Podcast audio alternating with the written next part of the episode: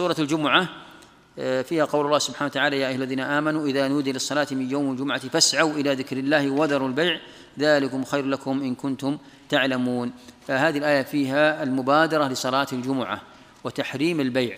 المبادرة المراد بالنداء هنا هو النداء الثاني وهو نداء دخول الخطيب وصعود إلى المنبر. إذا دخل الخطيب وصعد المنبر وسلم أذن المؤذن. هذا هو هذا هو الأذان المذكور في هذه الآية. أما الأذان الأول فإن الذي الذي آه، شرعه أو الذي أمر به هو عثمان رضي الله عنه بعد توسع آه، يعني بلاد المسلمين شرع ذلك. وهو, وهو عند الحاجة عند الحاجة يعني آه، يشرع.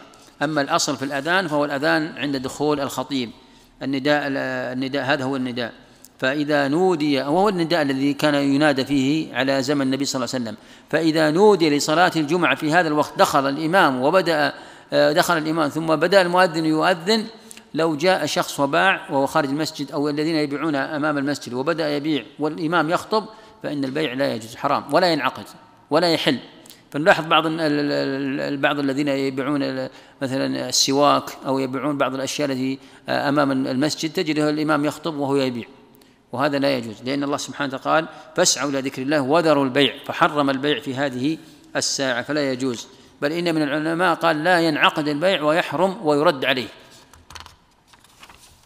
آه، بعدها سورة المنا... سورة المنافقون.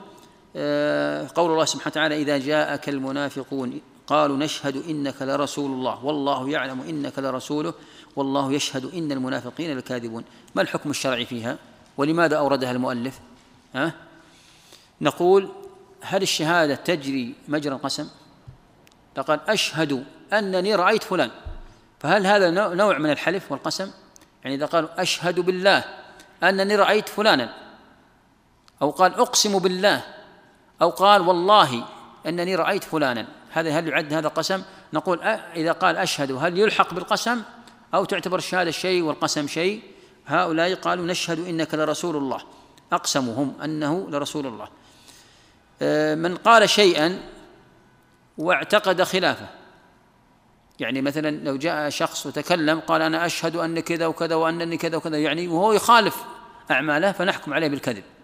لو قال أنا مثلا أنني آه، صادق في كلامي وأنني أفعل كذا وأنني أصلي ثم شهد على نفسه قال والله أشهد أنني كذا وكذا وكذا ثم رأيناه يخالف قول آه، فعله يخالف قوله لا يصلي ويكذب فإننا نحكم عليه بالكذب لأن الله شوف هنا لما شهدوا على على شهادة على رسالة النبي صلى الله عليه وسلم نشهد إنك لرسول الله. والله يعلم إن إنك لرسوله. قال والله يشهد إن المنافقين لكاذبون لأن أفعالهم خالفت أقوالهم. أفعالهم خالفت أقوالهم.